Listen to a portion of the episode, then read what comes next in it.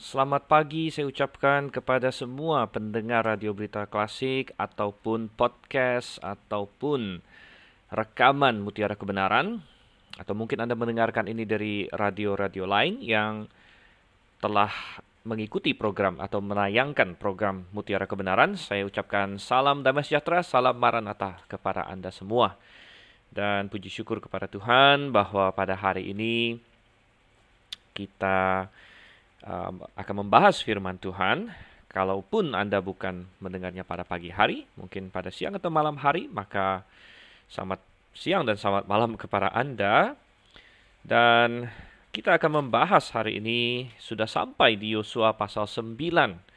Bagi Anda yang ikut terus bersama, kita tahu bahwa kita membahas satu pasal demi satu pasal dan memang kadang-kadang saya ada mendengar bahwa uh, tidak populer lagi hari ini katanya. Kita membahas firman Tuhan panjang-panjang sampai dengan satu jam katanya. ya memang uh, kita hidup di generasi yang uh, kehilangan fokus sebenarnya. Dan uh, manusia banyak yang hanya ingin melihat sesuatu yang pendek, 5 menit, 10 menit. Jadi saya dikasih tahu bahwa di YouTube uh, video-video uh, yang populer itu 5 sampai 10 menit. Dan itu benar, sebenarnya saya tahu bahwa uh, manusia terbatas daya konsentrasinya. Namun itu hanya benar untuk sesuatu yang uh, kita bilang masuk dalam aktivitas browsing atau surfing dan dengan masuknya internet lain sebagainya, mungkin banyak orang berkata internet kan banyak membaca. Namun ternyata membaca di internet yang disebut browsing atau surfing itu sangat berbeda dengan membaca buku. Ya, ada penelitian yang sudah menemukan bahwa membaca buku atau lagi buku yang tentu bukan komik atau lain sebagainya, tapi buku yang padat yang berisi itu memerlukan konsentrasi dan memerlukan uh, fokus. Ya, sedangkan uh, yang ter, yang menjadi biasa untuk generasi yang sekarang ini adalah browsing internet. Dan browsing internet tidak memerlukan tidak memerlukan suatu fokus, suatu konsentrasi. Karena uh, apalagi zaman sekarang ya satu halaman sengaja dibikin pendek-pendek, ada banyak gambar-gambar, banyak video dan lain sebagainya. Sehingga perhatian manusia sudah terbiasa loncat dari satu topik ke topik lain, loncat ke satu topik ke topik lain, tidak pernah dengan sungguh-sungguh atau jarang dengan dengan mendalam fokus kepada satu topik ya. Nah, uh, tetap ada ruang dan tetap ada kepentingan yang sangat besar untuk bisa berfokus kepada satu topik, terutama kalau kita mempelajari firman Tuhan. Oleh karena itu, Mutiara Kebenaran tetap pada format, oh kita akan masuk secara mendalam, uh, membahas firman Tuhan satu pasal ya per hari atau per sesi. Anda bisa saja uh, mendengarkan lebih dari satu sesi per hari kalau Anda mendapatkan rekaman mutiara kebenaran. Anda bisa dapatkan itu dari dari kami, dari Grafe dan um, tetap ya kita akan melakukannya kira-kira satu jam. Tentu kita tidak tidak persis satu jam ya, sering kali kurang dari satu jam, 50-an menit. Kadang-kadang kalau pasalnya pendek atau materi yang ada di dalamnya tidak terlalu banyak, kita bahkan bisa 40-an menit. Jadi rata-rata 40 sampai 60 menit kita akan habiskan kira-kira seperti Anda mendengarkan suatu khotbah Nah, dan kalau Anda dalam perjalanan, ini sangat cocok bagi Anda untuk didengarkan sambil di mobil dan lain sebagainya. Oke, jadi coba kita buka ya, Yosua pasal yang ke-9 sekarang. Dan kalau Anda memiliki Alkitab di tangan Anda, maka silakan Anda membukanya bersama dengan saya dan kita akan membahasnya bersama-sama. Yosua pasalnya yang ke-9. Dan sebelum masuk ke teksnya, kita akan berdoa, kita akan minta pertolongan Tuhan bagi kita. Bapa yang di surga, Bapa yang maha baik, maha tinggi, Bapa yang mengasihi kami sedemikian rupa sehingga mengutus putramu yang tunggal untuk menebus kami, menyelamatkan kami dari dosa. Tuhan, Engkau yang sangat luar biasa bagi kami. Engkaulah Engkaulah pusat dari hidup kami. Dan oleh karena itu kami mengasihi firman-Mu. Kami mengasihi Engkau. Kami mengasihi petunjuk kebenaran yang ada di dalam Alkitab. Tuhan oleh sebab itu kami telah sepakat untuk bertemu di dalam acara mutiara kebenaran ini, hamba ingin menjabarkan, menjelaskan kebenaran firman-Mu kepada orang-orang yang mau mendengarkan. Kau yang kiranya tolong hamba yang menyampaikan dan semua yang mendengarkan agar kebenaran-Mu menjadi nyata bagi kami. Kami dapat memahaminya dan kemudian kami akan melakukannya dalam hidup kami. Tolonglah ya Bapa yang Maha Baik. Kami berdoa karena kami yakin ini sesuai dengan keinginan putramu Yesus Kristus. Maka kami berdoa dalam nama Sang Putra tersebut, Yesus Kristus. Amin. Oke, Yosua pasalnya yang ke-9 dan Judulnya adalah Akal Orang Gibeon. Kita akan baca dulu dari ayat 1 uh, sampai dengan ayat 2. Ya. Ketika terdengar oleh raja-raja di sebelah barat sungai Yordan, di pegunungan dan di daerah bukit, dan sepanjang tepi pantai laut besar sampai ke seberang gunung Libanon, yakni raja-raja orang Het, orang Amori, orang Kanaan, orang Feris, orang Hewi, dan orang Yebus, Bergabunglah mereka dengan seia sekata untuk memerangi Yosua dan orang Israel.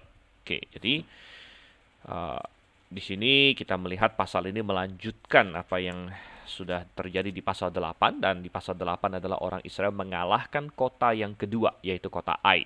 Kota pertama yang mereka kalahkan adalah kota Yeriko. Dan Yeriko adalah kota, salah satu kota besar, kota yang kuat, kota berkubu namun dengan sangat mudah dikalahkan oleh orang Israel dengan cara yang sangat ajaib yaitu mereka mengelilingi kota itu selama tujuh hari. Dan langsung kota itu runtuh ya. Ada sedikit uh, boleh kita bilang rintangan di Ai sedikit speed bump atau polisi tidur ya. Um, di mana Israel mengalami kekalahan mereka satu-satunya yang tercatat di dalam uh, kitab Yosua dalam penaklukan mereka terhadap Kanaan. Dan itu terjadi karena adanya dosa karena ada masalah internal di di tubuh orang Israel sendiri yaitu Akan. Uh, namun setelah dosa itu diselesaikan dan diurus maka di pasal 8 Israel mengalahkan Ai ya. Karena Ai memang sebenarnya dari segi manusiawi bukan kota yang sekuat Yeriko akhirnya Ai dikalahkan dan juga di, dimusnahkan dan ini membuat semua uh, kota-kota yang lain, semua raja-raja, semua uh, kaum-kaum uh, yang lain yang disebutkan di sini, ya orang Het, Amori, Kanaan, Feris, Hewi, Yebus, mereka semua katanya uh, di sepanjang tepi pantai laut besar. Nah, laut besar yang dimaksud di sini adalah laut Mediterania. Dan memang batas uh, Kanaan adalah sebelah barat itu laut Mediterania, sebelah timur adalah Sungai Yordan, begitu. Dan ketika mereka mendengar semua itu, mereka katanya bergabung dengan seia sekata untuk memerangi Yosua dan orang Israel. Jadi tidak heran bahwa ketika kita mau melangkah demi Tuhan, ketika kita mau berbuat untuk Tuhan, ketika kita mau ikut Tuhan, kita pasti akan mengalami tantangan. Dan saya sudah pernah katakan bahwa di dalam perjanjian lama ada banyak tipologi, banyak gambaran ya. Keluar dari Mesir itu adalah gambaran keselamatan.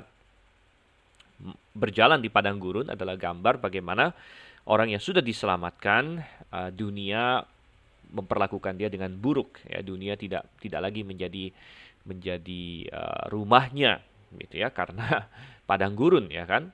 Tadinya Mesir sekarang di padang gurun. Tadinya penuh dengan air sekarang kering. Ya itu gambaran bagaimana dunia memperlakukan kita kalau kita misalnya tidak setia kepada dunia melainkan kita ikut Tuhan. Ya tapi tentu ada ada harga yang dibayar kalau Anda mau tetap di dalam Mesir berarti Anda tetap budak, Anda budak dosa. Dan Anda di padang gurun Anda adalah umat Tuhan, Anda sudah dibebaskan dan Tuhan akan menolong. Nah, akhirnya walaupun di padang gurun Tuhan memberikan mereka mana, memberikan mereka air. Nah, masuk ke Kanaan juga adalah simbol saudara Tuhan dan simbol ini bukan simbol sorga walaupun ada banyak teolog ya yang menyimbolkan Kanaan sebagai sorga. Dan ya mungkin bisa sedikit namun lebih tepat ya lebih tepat sebenarnya kanan adalah gambaran keselamatan juga loh anda bilang kok gambaran keselamatan lagi bukan keluar dari Mesir sudah gambaran keselamatan? Ya tentu. Karena namanya gambaran kan tidak persis sama ya. Jadi bisa digambarkan dengan berbagai hal dengan berbagai aspek. Kalau misalnya padang gurun adalah gambar orang yang sudah diselamatkan dalam hubungannya dengan dunia dunia membencinya Nah, maka masuk ke Kanaan adalah gambaran keselamatan dalam hubungan berkat-berkat Tuhan. Jadi, Tuhan akan memberikan berkat yang luar biasa, namun ada peperangan rohani yang terus dilakukan di Kanaan. Ada ada ini musuh musuh-musuh yang dihadapi. Ya, tentu bukan musuh jasmani, kita bukan pergi jihad, kita bukan pergi crusade atau atau lain sebagainya, tapi kita mengalami peperangan rohani. Dan jangan heran kalau Anda mau ikut Tuhan, uh, iblis membenci Anda, dunia membenci Anda, akan ada peperangan rohani. Nah, tetapi pasal ini uh, masuk ke ayat 3 di sini. Sangat menarik bahwa semua suku-suku yang lain, semua orang-orang Kanaan yang lain itu mereka bersepakat untuk memerangi Israel. Namun ada satu satu kaum lah ya, satu uh, daerah yang memutuskan sebaliknya. Apa itu? Coba kita baca ayat 3 dan uh, kita akan baca terus agak panjang di sini ya. Uh, sampai dengan ayat yang ke uh, 14 gitu. Tetapi ketika terdengar kepada penduduk negeri Gibeon apa yang dilakukan Yosua terhadap Yeriko dan Ai, maka mereka pun bertindak dengan memakai akal. Mereka pergi menyediakan bekal, mengambil karung yang buruk-buruk untuk dimuatkan ke atas keledai mereka dan kirbat anggur yang buruk-buruk yang robek dan dijahit kembali dan kasut yang buruk-buruk dan ditambal untuk dikenakan pada kaki mereka dan pakaian yang buruk-buruk untuk dikenakan oleh mereka sedang segala roti bekal mereka telah kering. Tinggal remah-remah belaka. Demikianlah mereka pergi kepada Yosua ke tempat perkemahan di Gilgal. Berkatalah mereka kepadanya dan kepada orang-orang Israel itu, kami ini datang dari negeri jauh, maka sekarang ikatlah perjanjian dengan kami. Tetapi berkatalah orang-orang Israel kepada orang-orang Hewi itu, barangkali kamu ini diam di tengah-tengah kami, bagaimana mungkin kami mengikat perjanjian dengan kamu? Lalu kata mereka kepada Yosua, kami ini hamba-hambamu. Tanya Yosua, siapakah kamu ini dan dari manakah kamu datang? Jawab mereka kepadanya, dari negeri yang sangat jauh hamba-hambamu ini datang, dan karena nama Tuhan Allahmu, sebab kami telah mendengar kabar tentang dia, yakni segala yang dilakukannya di Mesir. Dan segala yang dilakukannya terhadap kedua raja orang Amori itu di seberang sungai Yordan, Sihon Raja Hesibon dan Og Raja Basan yang diam di Asitarot. Sebab itu para tua-tua kami dan seluruh penduduk negeri kami berkata kepada kami demikian, bawalah bekal untuk di jalan dan pergilah menemui mereka dan berkatalah kepada mereka, kami ini hamba-hambamu, maka sekarang ikatlah perjanjian dengan kami. Inilah roti kami, masih panas ketika kami bawa sebagai bekal dari rumah pada hari kami berangkat berjalan mendapatkan kamu. Tetapi sekarang lihatlah, telah kering dan tinggal remah-remah belaka. Inilah kirbat-kirbat anggur yang masih baru ketika kami mengisinya. Tapi lihatlah telah robek dan inilah pakaian dan kasut kami. Semuanya telah buruk-buruk karena perjalanan yang sangat jauh itu. Lalu orang Israel mengambil bekal orang-orang itu tetapi tidak meminta keputusan Tuhan. Ya, jadi uh, ada satu kelompok yang lain semua memutuskan untuk memerangi Israel tapi ada satu kelompok yaitu Gibeon. Ya, Gibeon itu adalah suatu wilayah yang letaknya kalau di peta itu kira-kira di utara dari Yerusalem. Ya utara dari Yerusalem. Jadi kalau dari Yeriko itu akan ke arah uh, ke arah agak agak ke barat ke selatan mungkin gitu ya. Dan uh, orang-orang Gibeon ini katanya mereka uh, mereka takut kepada orang Israel dan mereka memilih untuk tunduk kepada orang Israel. Ya tapi Uh, sepertinya mereka sudah mendengar bahwa atau mereka merasa bahwa kalau mereka datang tunduk begitu saja mereka tidak akan diterima. Oleh karena itu mereka uh, melakukan tipu daya di sini. Tipu daya yang luar biasa di sini ya. Dan uh, mereka kita sudah baca tadi uh, menggunakan berbagai alat bantu ya untuk menipu orang Israel. Sangat hebat sekali. Mereka memakai uh, bekal yang katanya sudah sudah kering Intinya ingin memberikan suatu kesan bahwa mereka berasal dari tempat yang jauh sekali supaya orang Israel tidak segan-segan ya karena dikira ah ini kan tempat jauh ya tidak ada tidak tidak mengganggu kita. Baiklah kita bikin aliansi gitu. Uh, karung yang buruk-buruk, kirbat anggur yang buruk dan lain sebagainya. Jadi wow ini kalau drama ini sudah luar biasa ya. Mungkin patut mendapat Oscar gitu ya Pak. Jadi dramanya sangat sangat lihai dan uh, bukan hanya menggunakan alat-alat peraga yang sangat luar biasa, tetapi kemudian mereka uh, menggunakan kata-kata. Jadi actingnya juga jago. Wah, kalau hari ini film kan kadang-kadang ada apa? Uh, best picture ya. Best picture itu maksudnya menggunakan latar belakang ya dan uh, alat-alat uh, bantu ya atau best kostum. Nah, best kostum bagi yang suka nonton apa drama Korea lah, drama Cina, kadang-kadang ada best kostum. Wah, jadi kostumnya luar biasa. Tapi kemudian ada best acting juga. Ya, acting ya. Jadi ini orang Gibeon ini luar biasa ya. Jadi kostumnya meyakinkan, actingnya juga tidak kalah, Saudara. Actingnya tidak kalah. Jadi pintar sekali mereka menjawab di sini. Uh, misalnya waktu mereka ditembak langsung, ya, ditembak langsung oleh orang Israel, misalnya uh, di ayat 7 ya. Orang Israel bilang, barangkali kamu ini diam di tengah-tengah kami, bagaimana mungkin kami mengikat perjanjian dengan kamu? Perhatikan dengan dengan cerdik, dengan lihai mereka menjawab di ayat 8, kami ini hamba-hambamu. Jadi mereka tidak langsung bilang, ah enggak, begitu. Enggak. Mereka seperti sangat sangat lembut, sangat mengalah, begitu. Kami ini hamba-hambamu.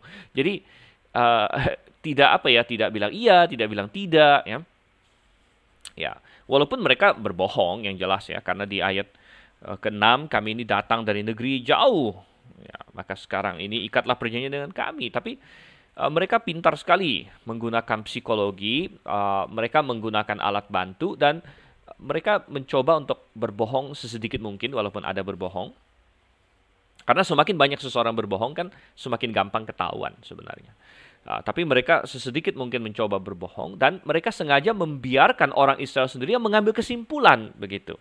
Nah, jadi mereka hanya kata menanamkan ya impresi-impresi palsu. Biarkan orang Israel sendiri yang ambil ke, ambil kesimpulan bahwa mereka datang dari dari tempat jauh. Dan uh, memang lebih gampang kita untuk uh, membuat orang berubah pikiran kalau dia sendiri yang ambil kesimpulan itu. Daripada kita yang memaksakan ya, kamu harus percaya kesimpulan ini. Ya, jadi uh, dia sendiri yang harus ambil kesimpulan itu. Dan um, di ayat 9, ya mereka berkata di sini, dari negeri yang sangat jauh hamba-hamba ini datang, karena nama Tuhan Allahmu. So, kami telah mendengar kabar tentang dia. Dan di sini kita melihat sepertinya ada suatu elemen kebenaran dalam apa yang dia katakan di sini. Jadi walaupun Gibeon memang datang dengan tipu daya, namun ada suatu uh, artinya ada ada bagian-bagian kebenaran yang mereka katakan. Ya, misalnya bahwa mereka mendengar tentang nama Tuhan itu itu benar, bahwa mereka takut ya itu benar, lain sebagainya. Jadi uh, barangkali ada sebagian motivasi mereka lumayan bagus ya. Dan uh, kita melihat ya mereka dengan sangat pintar di sini. Lalu di ayat 10 ya uh, ada ayat 9 dan ayat 10 kami sudah mendengar segala yang dilakukannya di Mesir dan segala yang dilakukannya terhadap kedua raja orang Amori yaitu Sihon dan Og. Nah, ini kan yang yang sudah dikalahkan orang Israel di kitab Bilangan dan dicatat juga di Ulangan, di Bilangan-Ulangan. Mereka sudah kalahkan di sebelah timur Sungai Yordan. Dan dengan sangat cerdik kita melihat bagaimana orang Gibeon tidak menyinggung sudah mendengar tentang Yeriko dan Ai karena Yeriko dan Ai kan baru terjadi, baru terjadi beberapa hari atau beberapa minggu yang lalu begitu. Jadi kalau misalnya Gibeon menyinggung kami sudah mendengar apa yang Tuhan lakukan di Yeriko dan Ai, langsung orang Israel akan curiga loh, kok kamu sudah bisa dengar gitu. Kamu bisa tahu Yeriko dan Ai, berarti kamu kan tinggal deket-deket sini, makanya kamu bisa tahu tentang Yeriko dan Ai. Jadi mereka sengaja tidak menyebut Yeriko dan Ai, tapi mereka sebut yang sudah lama. Ya, misalnya segala yang dilakukan di Mesir ya itu kan sudah 40 tahun lalu. Ya sudah wajar bahwa uh, kebesaran Tuhan, bagaimana dia menaklukkan Mesir dan sebagainya sudah tersiar ke mana-mana. Demikian juga dengan mengalahkan Sihon, mengalahkan Og itu sudah terjadi uh, dalam hitungan berbulan-bulan yang lalu. Dan eh, kabar tentang itu juga bisa jadi sudah menyebar ke mana-mana. Jadi uh, dengan demikian uh, mereka memberikan impresi yang sangat luar biasa di sini.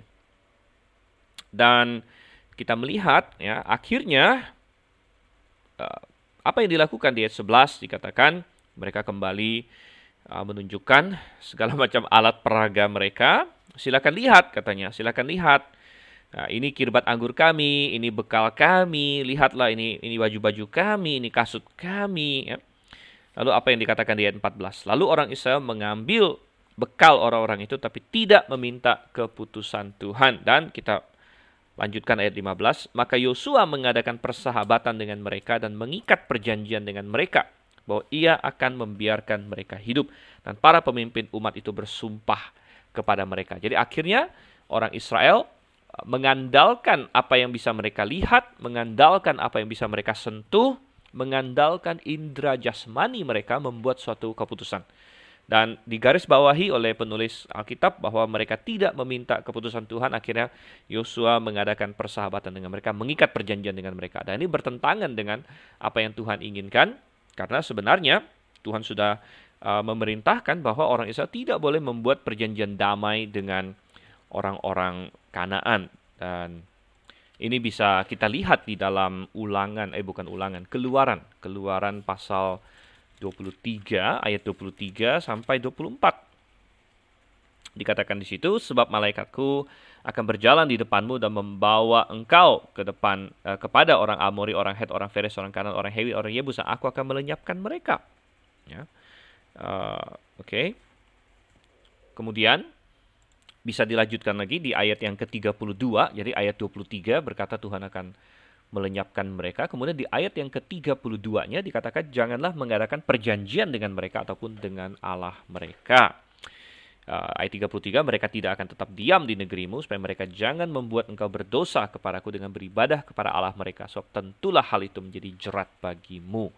Ya, jadi kita melihat kembali ke Yosua pasal 9, Tuhan tidak ingin sebenarnya orang Israel membuat perjanjian dengan uh, orang Kanaan Ya, tetapi orang Israel tidak meminta petunjuk Tuhan, tidak minta petunjuk Tuhan, akhirnya mereka tertipu, sudah sama Tuhan, tertipu dan karena mereka mengandalkan indera jasmani mereka, mereka tidak tunduk kepada Tuhan. Nah, hari ini kita bisa belajar dari pengalaman ini.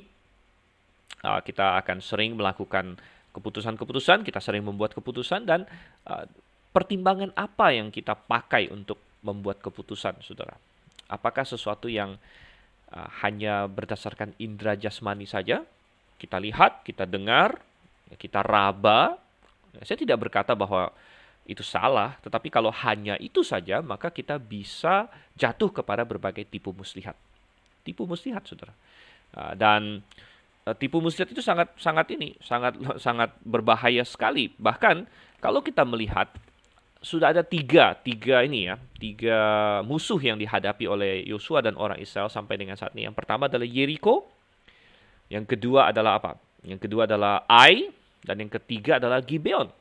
Dan tiga-tiganya tantangannya berbeda. Kalau Jericho tantangannya adalah dia kuat, dia uh, temboknya kuat, dia prajuritnya kuat, nih kota yang besar. Jadi tantangannya apa sudah nggak Tuhan? Ini tantangan mungkin dalam hal um, dunia ini ya. Dunia ini lebih kaya dari kita dunia ini lebih kuat dari kita mungkin ada penganiayaan dan lain sebagainya. Tapi intinya kalau kita beriman dan ikut Tuhan kita bisa menang itu pelajarannya. Jadi Jericho walaupun begitu kuat namun dengan begitu mudah dikalahkan Israel karena mereka ikut Tuhan.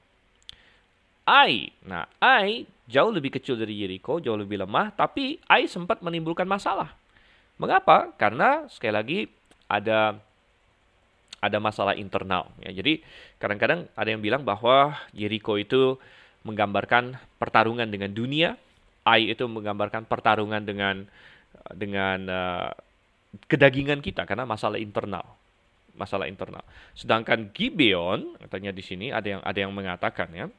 Uh, ini pakai tipu muslihat, jadi beda lagi masalahnya tipu muslihat. Dan kalau kita baca dalam Alkitab, yang banyak memakai tipu muslihat adalah iblis. Nah, jadi pertarungan kita dengan iblis atau dengan dengan satan itu itu kita harus waspada terhadap tipu muslihatnya. Coba kita buka di dalam Efesus pasalnya yang ke-6. Efesus pasal yang ke-6, apa dikatakan ayat 11? Kenakanlah seluruh perlengkapan senjata Allah supaya kamu dapat bertahan melawan tipu muslihat iblis. Jadi iblis terutama menggunakan tipu muslihat dan itu bisa kita temukan sejak dari pertama. Pertama sekali iblis berhubungan dengan manusia kapan? Di Taman Eden, sudah ngasih Tuhan. Dan di Taman Eden apa yang terjadi? Ya, sekali lagi dia menggoda Hawa, dia pakai tipu muslihat. Dia bilang, wow buah ini begitu enak katanya. Dan dia dengan berbohong dan dia bilang, ah Tuhan, Tuhan tidak mau kamu makan buah ini karena dia tahu kalau kamu makan kamu akan menjadi seperti Allah. Wah dia bohong sudah ngasih Tuhan. Dan dia menggunakan tipu muslihat. Tapi sekali lagi Hawa Hawa yang pertama, dia dia mengambil keputusan berdasarkan apa? Berdasarkan apa yang dia lihat. Jadi kita baca di Kejadian pasal 3 bahwa coba saya bukakan ya, Kejadian pasal 3 di ayatnya yang ke uh, eh, 6, perempuan itu melihat bahwa pohon itu baik untuk dimakan dan sedap kelihatannya. Lagi pula pohon itu menarik hati karena memberi pengertian. Lalu ia mengambil dari buahnya dan dimakannya dan diberikannya juga kepada suaminya yang bersama-sama dengan dia dan suaminya pun memakannya. Jadi sekali lagi keputusan yang salah karena mengandalkan dia lihat, wah memang buahnya cantik, kemudian dia raba, kemudian dia dia makan, enak rasanya, enak, dia kasih ke suaminya begitu. Tapi itu adalah tipu muslihat iblis. Dan kita harus berhati-hati hari ini. Bagaimana caranya supaya kita bisa lepas dari tipu muslihat iblis, saudara? Ya, kalau di Efesus tadi dikatakan apa? Efesus pasal 6, kenakanlah seluruh perlengkapan senjata Allah. Kenakanlah seluruh perlengkapan senjata Allah. Yaitu apa? Yaitu mulai dari ketopong keselamatan. Ya, ketopong keselamatan berarti kita harus sudah diselamatkan. Kemudian kita berbaju zirahkan keadilan. Kita harus uh, keadilan di sini maksudnya adalah kebenaran dan kebajikan. Jadi uh, righteousness ya. Jadi kita harus menjauhi dosa, kita harus mengejar kekudusan. Kemudian apa? Dikatakan kita harus berikat pinggangan kebenaran. Jadi kita harus mengejar kebenaran, the truth ini ya. Jadi uh, truth ada di dalam Alkitab. Ah, kita harus terus di dalam Alkitab ya. Kemudian kaki kita berkasutkan kerelaan memberitakan Injil. Kita harus dimotivasi dalam hidup kita untuk melakukan kehendak Tuhan. Kehendak Tuhan salah satunya adalah memberitakan Injil. Kemudian memakai perisai iman. Ya, perisai iman. Jadi kita eh, iman itu apa? Iman adalah bukti dari segala sesuatu yang tidak kita lihat. Jadi kita berjalan bukan hanya berdasarkan penglihatan, tapi berdasarkan iman. Nah ini letak salahnya orang Israel. Mereka hanya mengandalkan penglihatan mereka, bukan iman mereka. Ya, kemudian ada pedang roh katanya. Pedang roh yaitu firman Allah. Kita harus ikut Alkitab. Ya, jadi sangat jelas sekali. Kalau kita mau menang terhadap tipu muslihat iblis, kita harus berada dalam kebenaran, kita harus ikut firman Tuhan lebih daripada kita ikut iblis. Kalau misalnya Hawa ingat firman Tuhan yang berkata kalau kamu makan buah ini kamu akan mati, ya dia tidak akan jatuh kepada tipu muslihat iblis. Ya, jadi coba kita lihat lagi di dalam uh, Yakobus Ya, Yakobus pasal 4 ayat 7. Yakobus 4 ayat 7 dikatakan karena itu tunduklah kepada iblis dan eh sorry, tunduklah kepada Allah. Ya, jangan tunduk pada iblis ya. Karena itu tunduklah kepada Allah dan lawanlah iblis. Justru iblis harus dilawan, maka ia akan lari daripadamu. Tunduklah kepada Allah dan lawanlah iblis. Ia akan lari daripadamu. Jadi uh, intinya kita beriman kepada apa yang Tuhan katakan yaitu di dalam firman-Nya, Saudara Tuhan. Nah, hari ini oh tentu iblis masih terus bekerja, banyak melakukan tipu muslihat ya, tipu muslihat dan tipu muslihatnya apa? Tipu muslihatnya berbagai pengajaran. Ya, pengajaran yang salah. Pengajaran yang menyesatkan dan banyak orang yang tertipu karena mereka mengandalkan mata mereka. Saya sudah sering sekali ketemu orang, sering sekali ketemu orang yang berkata, uh, misalnya kita bicara mengenai satu doktrin, ya apakah itu doktrin uh, misalnya berdoa sama Maria, kita bilang doa sama Maria itu salah. Lalu kadang-kadang yang diargumenkan adalah, tapi kan gerejanya gede sekali, banyak sekali orang yang seperti itu, masa salah sih katanya. Nah, jadi apa kriteria salahnya? Dia dia menggunakan mata dia, dia melihat, wah gereja ini gede, gereja ini sukses secara materi duniawi kan. Jadi dia pasti benar. Nah ini salah, dia kena kepada tipu muslihat iblis. Atau kita katakan gereja-gereja yang mengejar, mengajarkan Injil kemakmuran itu salah. Apa itu Injil kemakmuran? Injil kemakmuran adalah kalau kamu percaya Yesus kamu akan kaya raya, kamu akan lepas dari kutuk kebangkrutan lah, kamu akan kamu akan tidak sakit dan sebagainya itu namanya Injil kemakmuran. Jadi artinya mengiming-imingi orang dengan hal-hal materi jasmani duniawi seperti kekayaan, kesehatan jasmani, uh, bebas dari apa bangkrut dan sebagainya. Jadi ya semua orang mau seperti itu dan kadang-kadang gereja-gereja seperti ini mereka mengundang ya konglomerat, bisnismen yang sukses kasih kesaksian dan sebagainya. Jadi orang dipacu untuk mau seperti mereka. Wah, sukses seperti mereka. Dan sudah ngasih Tuhan, ya kita bilang oh itu salah. Itu tidak alkitabiah. Itu itu bertentangan dengan alkitab. Lalu kadang-kadang orang ngomongnya apa? Tapi gerejanya gede loh. Persembahan mereka banyak loh. Wah gerejanya ada di mana-mana seluruh dunia loh dan lain sebagainya. Ya, kita bilang ya, ya kalau kamu mau menggunakan mata kamu menggunakan indera jasmani untuk mengukur kebenaran kamu akan jatuh kepada tipu muslihat iblis. Sama seperti Yosua akhirnya tertipu oleh Gibeon. Begitu Karena mereka mengandalkan, oh dilihat, diraba, benar ya, dan mereka tidak meminta keputusan Tuhan. Nah hari ini, bagaimana cara kita meminta keputusan Tuhan? Dengan membaca firmannya, membandingkan dengan firmannya. Itulah yang dikatakan dalam kisah Rasul. Ketika Paulus sampai ke kota Berea, dikatakan orang-orang Berea lebih baik hatinya daripada orang Yahudi Tesalonika karena mereka tiap hari menyelidiki kitab suci untuk melihat apakah benar demikian. Jadi mereka benar-benar menggunakan uh, perlengkapan senjata Allah di situ. Dan seharusnya kita menjadi seperti uh, yang dikatakan di dalam 2 Korintus 2 ayat 11. Coba saya bacakan 2 Korintus 2 ayat 11 supaya iblis jangan beroleh keuntungan atas kita sebab kita tahu apa maksudnya. Orang yang sudah diselamatkan yang Alkitabiah yang mau hidup sesuai dengan Alkitab, dia tahu maksud iblis. Iblis ingin menipu kita dan uh, dia tidak akan membiarkan iblis memperoleh keuntungan daripada dia. Nah, uh, Anda buat keputusan apa lagi? Ada orang membuat keputusan mau pergi ke gereja mana. Ya, tapi yang dia dia perhatikan adalah gerejanya gede enggak. Ya. Fasilitasnya apa? Ya. Atau uh, macam-macam lagi yang lain begitu. Uh, yang, yang dia perhatikan adalah hal-hal jasmani, saudara Tuhan. Apakah gereja ini wah, masuk dalam payung-payung yang lebih gede? Wah, misalnya dinaungi oleh PGI, ya, dinaungi oleh ini itu. Wah, apakah uh, waktu pendirian gerejanya ada gubernur datang, ya, dan lain sebagainya? Ya, kok yang dicari hal-hal seperti itu tidak ada hubungannya dengan dengan harohani sebenarnya, gitu. Seharusnya yang menjadi kriteria utama kita mencari gereja adalah apakah ada kebenaran di gereja ini. Apakah gereja ini mengajarkan yang sesuai dengan firman Tuhan. Apakah Injil yang murni diberitakan. Apakah ada semangat penginjilan di gereja ini. Nah ini yang yang perlu di, dicermati begitu. Ya jadi sekali lagi tipu muslihat iblis. Oh begitu banyak saudara kasih Tuhan. Uh, jangan coba kita buka satu ayat deh di 1 Timotius 4 ayat 1 di sini. 1 Timotius 4 ayat 1. Tetapi roh dengan tegas mengatakan bahwa di waktu-waktu kemudian ada orang yang akan murtad. Lalu mengikuti roh-roh penyesat dan ajaran setan-setan. Ya, jadi ada ajaran setan-setan. Ya, dan bagaimana kok orang bisa ikut mereka? Pasti ditipu habis ini. Oleh tipu daya, perhatikan ayat 2. Oleh tipu daya pendusta-pendusta yang hati nuraninya memakai cap mereka. Jadi mereka bertindak seolah-olah benar, seolah-olah alkitabiah. Tapi mereka akan memakai hal-hal yang materi duniawi jasmani untuk menipu kita. Mereka tidak akan tidak akan bisa bertahan kepada kebenaran Alkitab sebenarnya. Antara lain apa ajaran mereka? Tiga, mereka itu melarang orang kawin.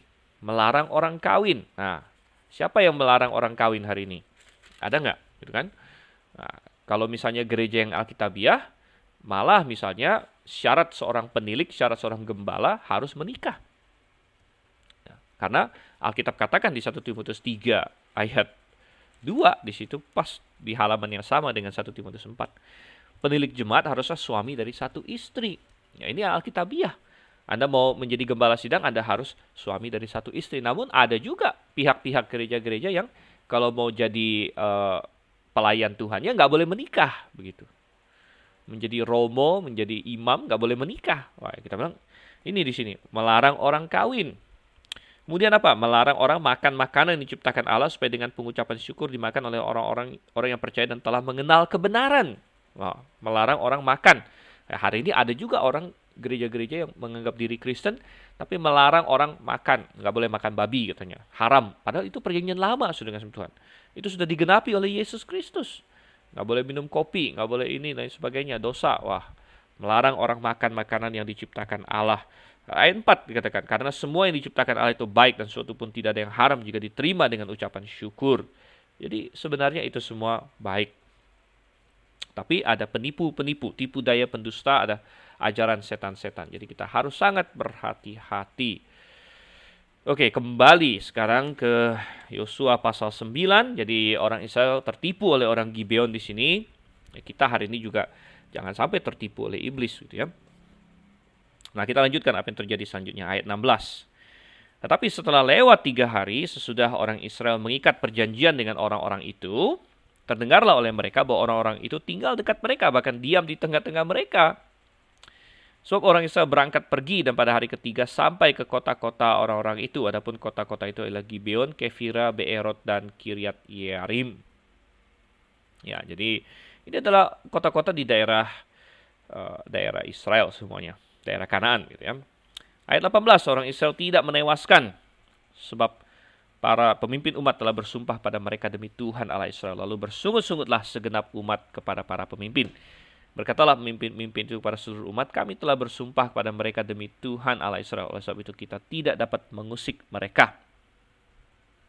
Oke, jadi kita melihat di sini, akhirnya uh, kepalsuan ini terbongkar juga, ya kebohongan ini terbongkar dan eh ternyata mereka ada di tengah-tengah mereka. Dan akhirnya apa yang terjadi? Eh, apakah akan tetap diserang? Ternyata tidak. Ya, memang ada banyak pressure rupanya.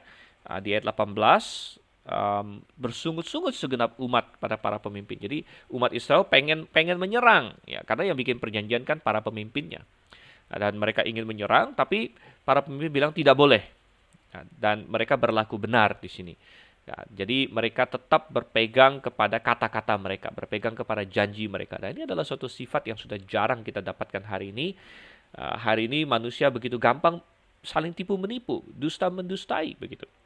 Ya, jadi um, walaupun mereka membuat suatu janji yang uh, kurang berhati-hati boleh kita bilang, namun karena mereka sudah janji dan telah bahkan bersumpah demi Tuhan, ya mereka tidak mau melanggar. Jadi artinya ini suatu prinsip ya, prinsip bahwa uh, kalau kita sudah bikin satu kesalahan, jangan buat kesalahan satu lagi seolah-olah dua kesalahan bisa uh, cancel out begitu ya, bisa saling menghilangkan. Tidak. Kalau Anda sudah buat satu kesalahan, jangan buat kesalahan kedua karena kesalahan kedua tidaklah menghilangkan kesalahan pertama begitu. Justru sudah bikin kesalahan pertama, ya sudah eh, kita berlaku benar begitu.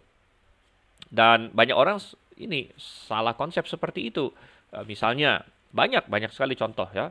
Uh, anda uh, berbohong misalnya ya berbohong lah ya berbohong. Nah lalu ada kalau kita sudah berbohong selalu ada suatu pressure untuk terus berbohong supaya bohong yang pertama nggak kebongkar gitu kan. Nah itu salah.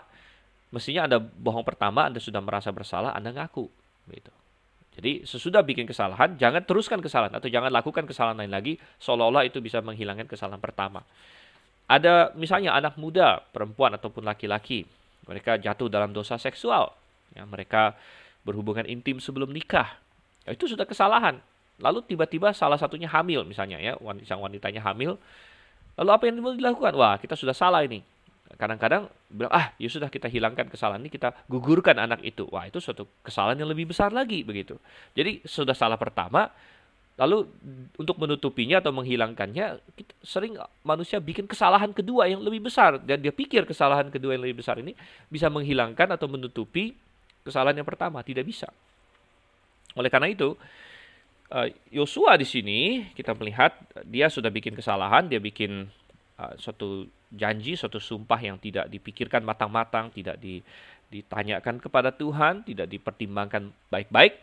Namun ya, itu tetap janji, itu tetap sumpah. Oleh karena itu yang benar adalah mereka harus mempertahankan janji itu. Apa yang mereka sudah janjikan, apa yang mereka sudah sumpahkan harus mereka lakukan. Jadi uh, dalam hal ini mereka berlaku benar dan banyak orang hari ini tidak seperti itu. Ada orang hari ini yang bahkan sudah sudah janji, bahkan sudah kontrak, bahkan sudah bikin akte notaris dan sebagainya, surat pernyataan di atas meterai lah, eh masih saja tetap tetap kacau ya. Nah, itu Tuhan tidak suka yang demikian. Bahkan kalau kita baca belakangan ini ada ada peristiwa nih, yaitu di kalau kita baca di 2 Samuel 21 ya. Jadi di kitab 2 Samuel pasal 21 dan kita tidak bisa baca semuanya, tapi nanti Anda boleh baca di zaman pemerintahan Saul, rupanya Saul ingkar janji. Jadi Saul uh, mungkin karena rasa apa ya nasionalisme yang salah tempat begitu, uh, dia mempersekusi orang Gibeon. Dia mencoba menghilangkan, menghancurkan orang Gibeon. Jadi dengan berlaku demikian Saul telah melanggar perjanjian yang dibuat oleh Yosua begitu. Sehingga Anda baca di pasal 21 akhirnya uh, ketika bahkan Saul sudah mati, tetapi orang Gibeon ya karena mereka sudah diperlakukan dengan buruk Tuhan membalas mereka dengan mendatangkan kelaparan kepada orang Israel ya sehingga uh, di situ Daud harus memperdamaikan yang memperdamaikan tanah atau negeri itu karena seluruh orang Israel sudah berbuat salah uh, harus diperdamaikan dengan orang-orang Gibeon di situ. Jadi itu berarti bahwa Tuhan akan marah kepada orang Israel kalau misalnya Yosua melanggar janjinya dan uh, menyerang Gibeon. Jangankan Yosua bahkan bertahun-tahun kemudian, ratusan tahun kemudian Saul melakukannya pun Tuhan Tuhan marah kepada mereka. Oke, dan lalu apa yang terjadi? Coba kita lihat uh, ayat 21 kita baca lagi ya. Uh, baik, ayat 21. Lalu kembali ke Yosua 9, lagi kata para pemimpin kepada mereka, biarlah mereka hidup, maka mereka pun dijadikan tukang belah kayu dan tukang timba air untuk segenap umat seperti yang ditetapkan oleh para pemimpin mengenai mereka. Lalu Yosua memanggil mereka dan berkata pada mereka demikian, Mengapa kamu menipu kami dengan berkata, kami ini tinggal sangat jauh daripada kamu, padahal kamu diam di tengah-tengah kami. Oleh sebab itu terkutuklah kamu dan tak putus-putusnya kamu menjadi hamba, tukang belah kayu dan tukang timba air untuk rumah Allahku. Jawab mereka kepada Yosua katanya, Sebab telah dikabarkan dengan sungguh-sungguh kepada hamba-hambamu ini bahwa Tuhan Allahmu memerintahkan kepada Musa hambanya memberikan seluruh negeri ini kepadamu dan memunahkan seluruh penduduk negeri itu dari depan kamu. Maka sangatlah kami takut kehilangan nyawa menghadapi kamu. Itulah sebabnya kami melakukan yang demikian. Maka sekarang kami ini dalam tanganmu, perlakukanlah kami seperti yang kau pandang baik dan benar untuk dilakukan kepada kami. Demikianlah dilakukannya kepada mereka. Dilepaskannya lah mereka dari tangan orang-orang Israel sehingga mereka tidak dibunuh. Dan pada waktu itu Yosua menjadikan mereka tukang belah kayu dan tukang timba air untuk umat itu dan untuk mesbah Tuhan sampai sekarang di tempat yang akan dipilihnya. Oke, jadi resolusinya adalah akhirnya mereka dijadikan uh, hamba boleh dibilang. Jadi mereka uh, tidak dibunuh karena mereka sudah di, dijanjikan seperti itu tidak dibunuh, tetapi mereka dipaksa untuk menjadi uh, hamba-hamba tukang katanya, tukang belah kayu, tukang tiba air untuk rumah Allahku. Jadi mereka menjadi uh, orang-orang uh, yang dipekerjakan begitu.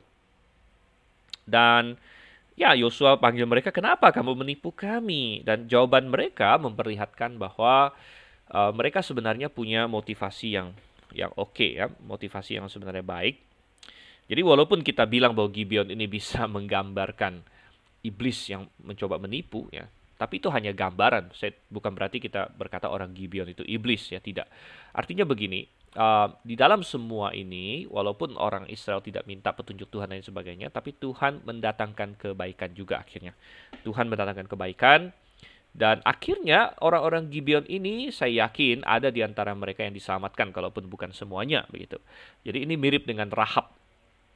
Mirip dengan Rahab dan uh, ingat bahwa Rahab akhirnya masuk menjadi orang Israel. Dan Gibeon pun ya Gibeon walaupun mereka dengan dengan cara yang salah ingat bahwa Rahab juga pernah punya cara yang salah. Dia berbohong ya. Dia berbohong tapi kepada raja Yeriko. Dan Gibeon juga berbohong berbohong kepada orang Israel. Jadi sama-sama berbohong dengan cara-cara yang uh, tidak sempurna tapi mereka akhirnya berhasil uh, masuk menjadi bagian gitu. Atau atau minimal mendapatkan uh, mendapatkan kesempatan untuk hidup begitu. Dan uh, belakangan kita akan melihat bahwa uh, Gibeon akhirnya menjadi bagian dari Israel tentunya wilayah Gibeon menjadi bagian dari Israel dan kita melihat uh, mereka benar-benar akhirnya berpihak pada Israel. Nanti di pasal 10 kita akan baca kota-kota lain malah benci kepada Gibeon akhirnya karena mereka menjadi sekutunya Israel dan mereka menyerang Gibeon. Nah, itu akan kita lihat di pasal 10 di sesi selanjutnya. Uh, jadi mereka benar-benar sudah berpihak kepada Israel. Dan mestinya yang benar itu mereka datang dan dan berterus terang mestinya begitu. Bahwa eh kami ini kami mau menyerah nih kepada Tuhan. Kami mau mau ikut Tuhannya Israel saja. Dan kita tidak tahu kalau misalnya orang Israel meminta petunjuk Tuhan kira-kira Tuhan jawab bagaimana begitu. Ya karena Tuhan mengasihi semua orang yang mau berbalik kepada dia. Jadi kalau Gibeon datang dan berkata kami sekarang mau ikut Tuhannya Israel ya ya Tuhan mungkin beda lagi begitu ceritanya. Mungkin mereka akan di uh, setiap orang Gibeon yang mau ikut Tuhan mungkin akan disuruh pindah begitu. Kemudian sisanya yang tidak mau tidak mau turut Tuhan ya itu yang mungkin akan akan dibasmi atau dimusnahkan. Ya, jadi uh, memang apa yang dilakukan Israel di sini tidak tidak ideal karena mereka tidak ikut petunjuk Tuhan. Namun Tuhan masih bisa membawa kebaikan dari semua itu. Saya yakin akan ada orang-orang Gibeon yang diselamatkan ya dan langkah yang dilakukan Yosua ini juga bagus di mana mereka disuruh menjadi pelayan di rumah Tuhan atau di kemah dan itu akan membuat mereka dekat dengan para imam, menjauhkan mereka dari penyembahan berhala dan membuat mereka uh, melihat terus ya dan diajar terus dan uh, dan istilahnya dekat dengan dengan Tuhan dengan hal-hal rohani dan bisa mempengaruhi mereka, bisa membuat mereka sungguh-sungguh percaya kepada Tuhan yang benar. Kalau kita lihat selanjutnya sejarah sejarah Gibeon di dalam uh, Israel, maka ada kita mendapatkan beberapa hal yang positif. Ya, misalnya um, kita lihat ya, misalnya satu Tawarik, satu Tawarik 12 ayat 4. Satu Tawarik 12 ayat 4, kita melihat di situ ini adalah daftar pengikut-pengikut uh, Daud dan salah satunya adalah Yishmaya orang Gibeon. Jadi ada orang Gibeon yang akhirnya menjadi pengikut Daud. Jadi ini pastinya orang yang sudah sudah masuk Israel begitu dan dan bahkan menjadi salah seorang pahlawan Daud ya, percaya kepada Tuhan begitu. Um, kemudian kita membaca bahwa salah satu kota Gibeon yang disebutkan di ayat 17 adalah Kiryat Yarim dan kalau Anda ingat apa yang terjadi pernah terjadi yang yang sangat terkenal di Kiryat Yarim adalah uh, tabut Tuhan yang sempat di direbut oleh orang Filistin di zamannya Imam Eli, akhirnya eh, kembali kepada Israel karena ingat ceritanya Tuhan menghajar orang-orang Filistin jadi mereka nggak tahan mereka balikin uh, tabut itu dengan menggunakan lembu dan akhirnya uh, dia datang ke Kiryat Yarim tabut itu datang kepada Kiryat Yearim ya jadi itu di 1 Samuel pasal 7 ayat 1. Jadi Kiryat Yarim itu adalah bagian dari Gibeon rupanya. Dan berbicara mengenai tabut Tuhan ya, dan hubungannya dengan Gibeon, kita juga bisa melihat misalnya di um, ya satu Tawarik 16 satu Tawarik 16 ayat uh, 39 misalnya dikatakan Zadok imam itu dan saudara-saudara sepuaknya para imam ditinggalkannya di hadapan kemah suci Tuhan di bukit pengorbanan yang di Gibeon. Jadi uh, sebelum bait suci dibuat di Yerusalem, uh, kemah suci ditaruh di Gibeon rupanya. Jadi ada kemah suci di Gibeon. Jadi tempat ini menjadi tempat yang yang bagus begitu karena ya, mungkin pertimbangannya antara lain salah satunya karena itu orang-orang Gibeon uh, menjadi pelayan dari kemah suci begitu. Ya, dan ketika Salomo, ya Salomo dia pernah yang sangat terkenal sekali dia dia doa uh, minta hikmat ya kan. Dan tapi banyak orang lupa bahwa di mana itu terjadi yaitu di Gibeon. Di satu raja-raja tiga Anda boleh baca, waktu itu Raja Salomo dia pergi ke Gibeon di ayat 4. Dia pergi Gibeon mempersembahkan korban yang sangat banyak di sana dan di Gibeon itulah di ayat 5 Tuhan menampakkan diri kepada Salomo dan Salomo minta hikmat. Jadi akhirnya Gibeon menjadi uh, suatu tempat yang banyak sejarah Israel juga di sana. Dan itu berarti bahwa mereka menjadi uh, bagian dari Israel akhirnya begitu. Dan ada muncul lagi di Nehemia. Nehemia ini sudah ratusan ribuan tahun kemudian yaitu setelah orang Israel dibuang ke Babel lalu mereka balik lagi uh, dan Nehemia menceritakan usaha untuk mendirikan tembok Yerusalem dan ketika mereka mendirikan tembok Yerusalem, di uh, mereka kerahkan semua semua umat di situ. Akhirnya kita baca di Nehemia 3 ayat 7 uh, apa dikatakan di sana. Berdekatan dengan mereka Melaka orang Gibeon dan Yadon orang Menorot, Meronot sorry mengadakan perbaikan. Jadi orang Gibeon termasuk kepada orang-orang yang ikut serta dalam perbaikan tembok Yerusalem. Jadi mereka sungguh-sungguh menjadi akhirnya orang Israel sama seperti Rahab. Jadi boleh kita bilang melalui cara-cara yang berliku-liku akhirnya Gibeon uh, masuk kepada umat Tuhan ujung-ujungnya. Walaupun sempat dianiaya juga di di zaman Saul begitu. Uh, dan mereka seperti Rahab dan ini kembali membuktikan bahwa Tuhan mau menerima bangsa-bangsa lain yang mau bertobat kepadanya. Gitu. Seperti Rahab ya, dan Gibeon mereka takut sama Tuhan uh, takut sama Tuhan tapi bisa ada ada dua opsi dan opsi yang dipakai oleh semua yang lain adalah mereka makin menentang Tuhan. Mereka malah berpikir ayo kita hancurkan Tuhan dan uh, hancurkan umat Tuhan maksudnya ya. Uh, mereka mau menyerang Israel dan iblis juga seperti itu saudara Tuhan. Tuhan berkata bahwa uh, anda percaya ada satu Allah, ya bagus. Iblis juga percaya dia gemetar. Namun iblis gemetar bukan membawa kepada pertobatan, tapi dia gemetar dia malah semakin mau melawan Tuhan dan mau mau menghancurkan manusia gitu.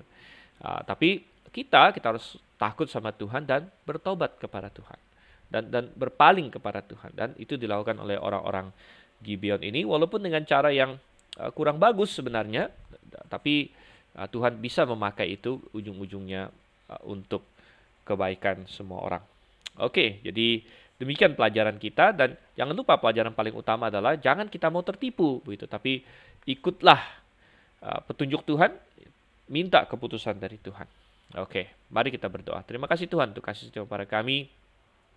Engkau yang kira pimpin supaya kami belajar dari pengalaman Israel, kami belajar darinya dan kami kemudian bisa dikuatkan dan kami bisa uh, melakukan apa yang benar. Kami tidak tertipu oleh iblis, tapi kami Uh, tunduk kepada engkau, kami mengenakan seluruh perlengkapan senjata rohani kami sehingga kami bisa mengadakan perlawanan terhadap si jahat dengan segala tipu musihatnya. Pimpin kami Tuhan, kami berdoa dalam nama Yesus Kristus. Amin.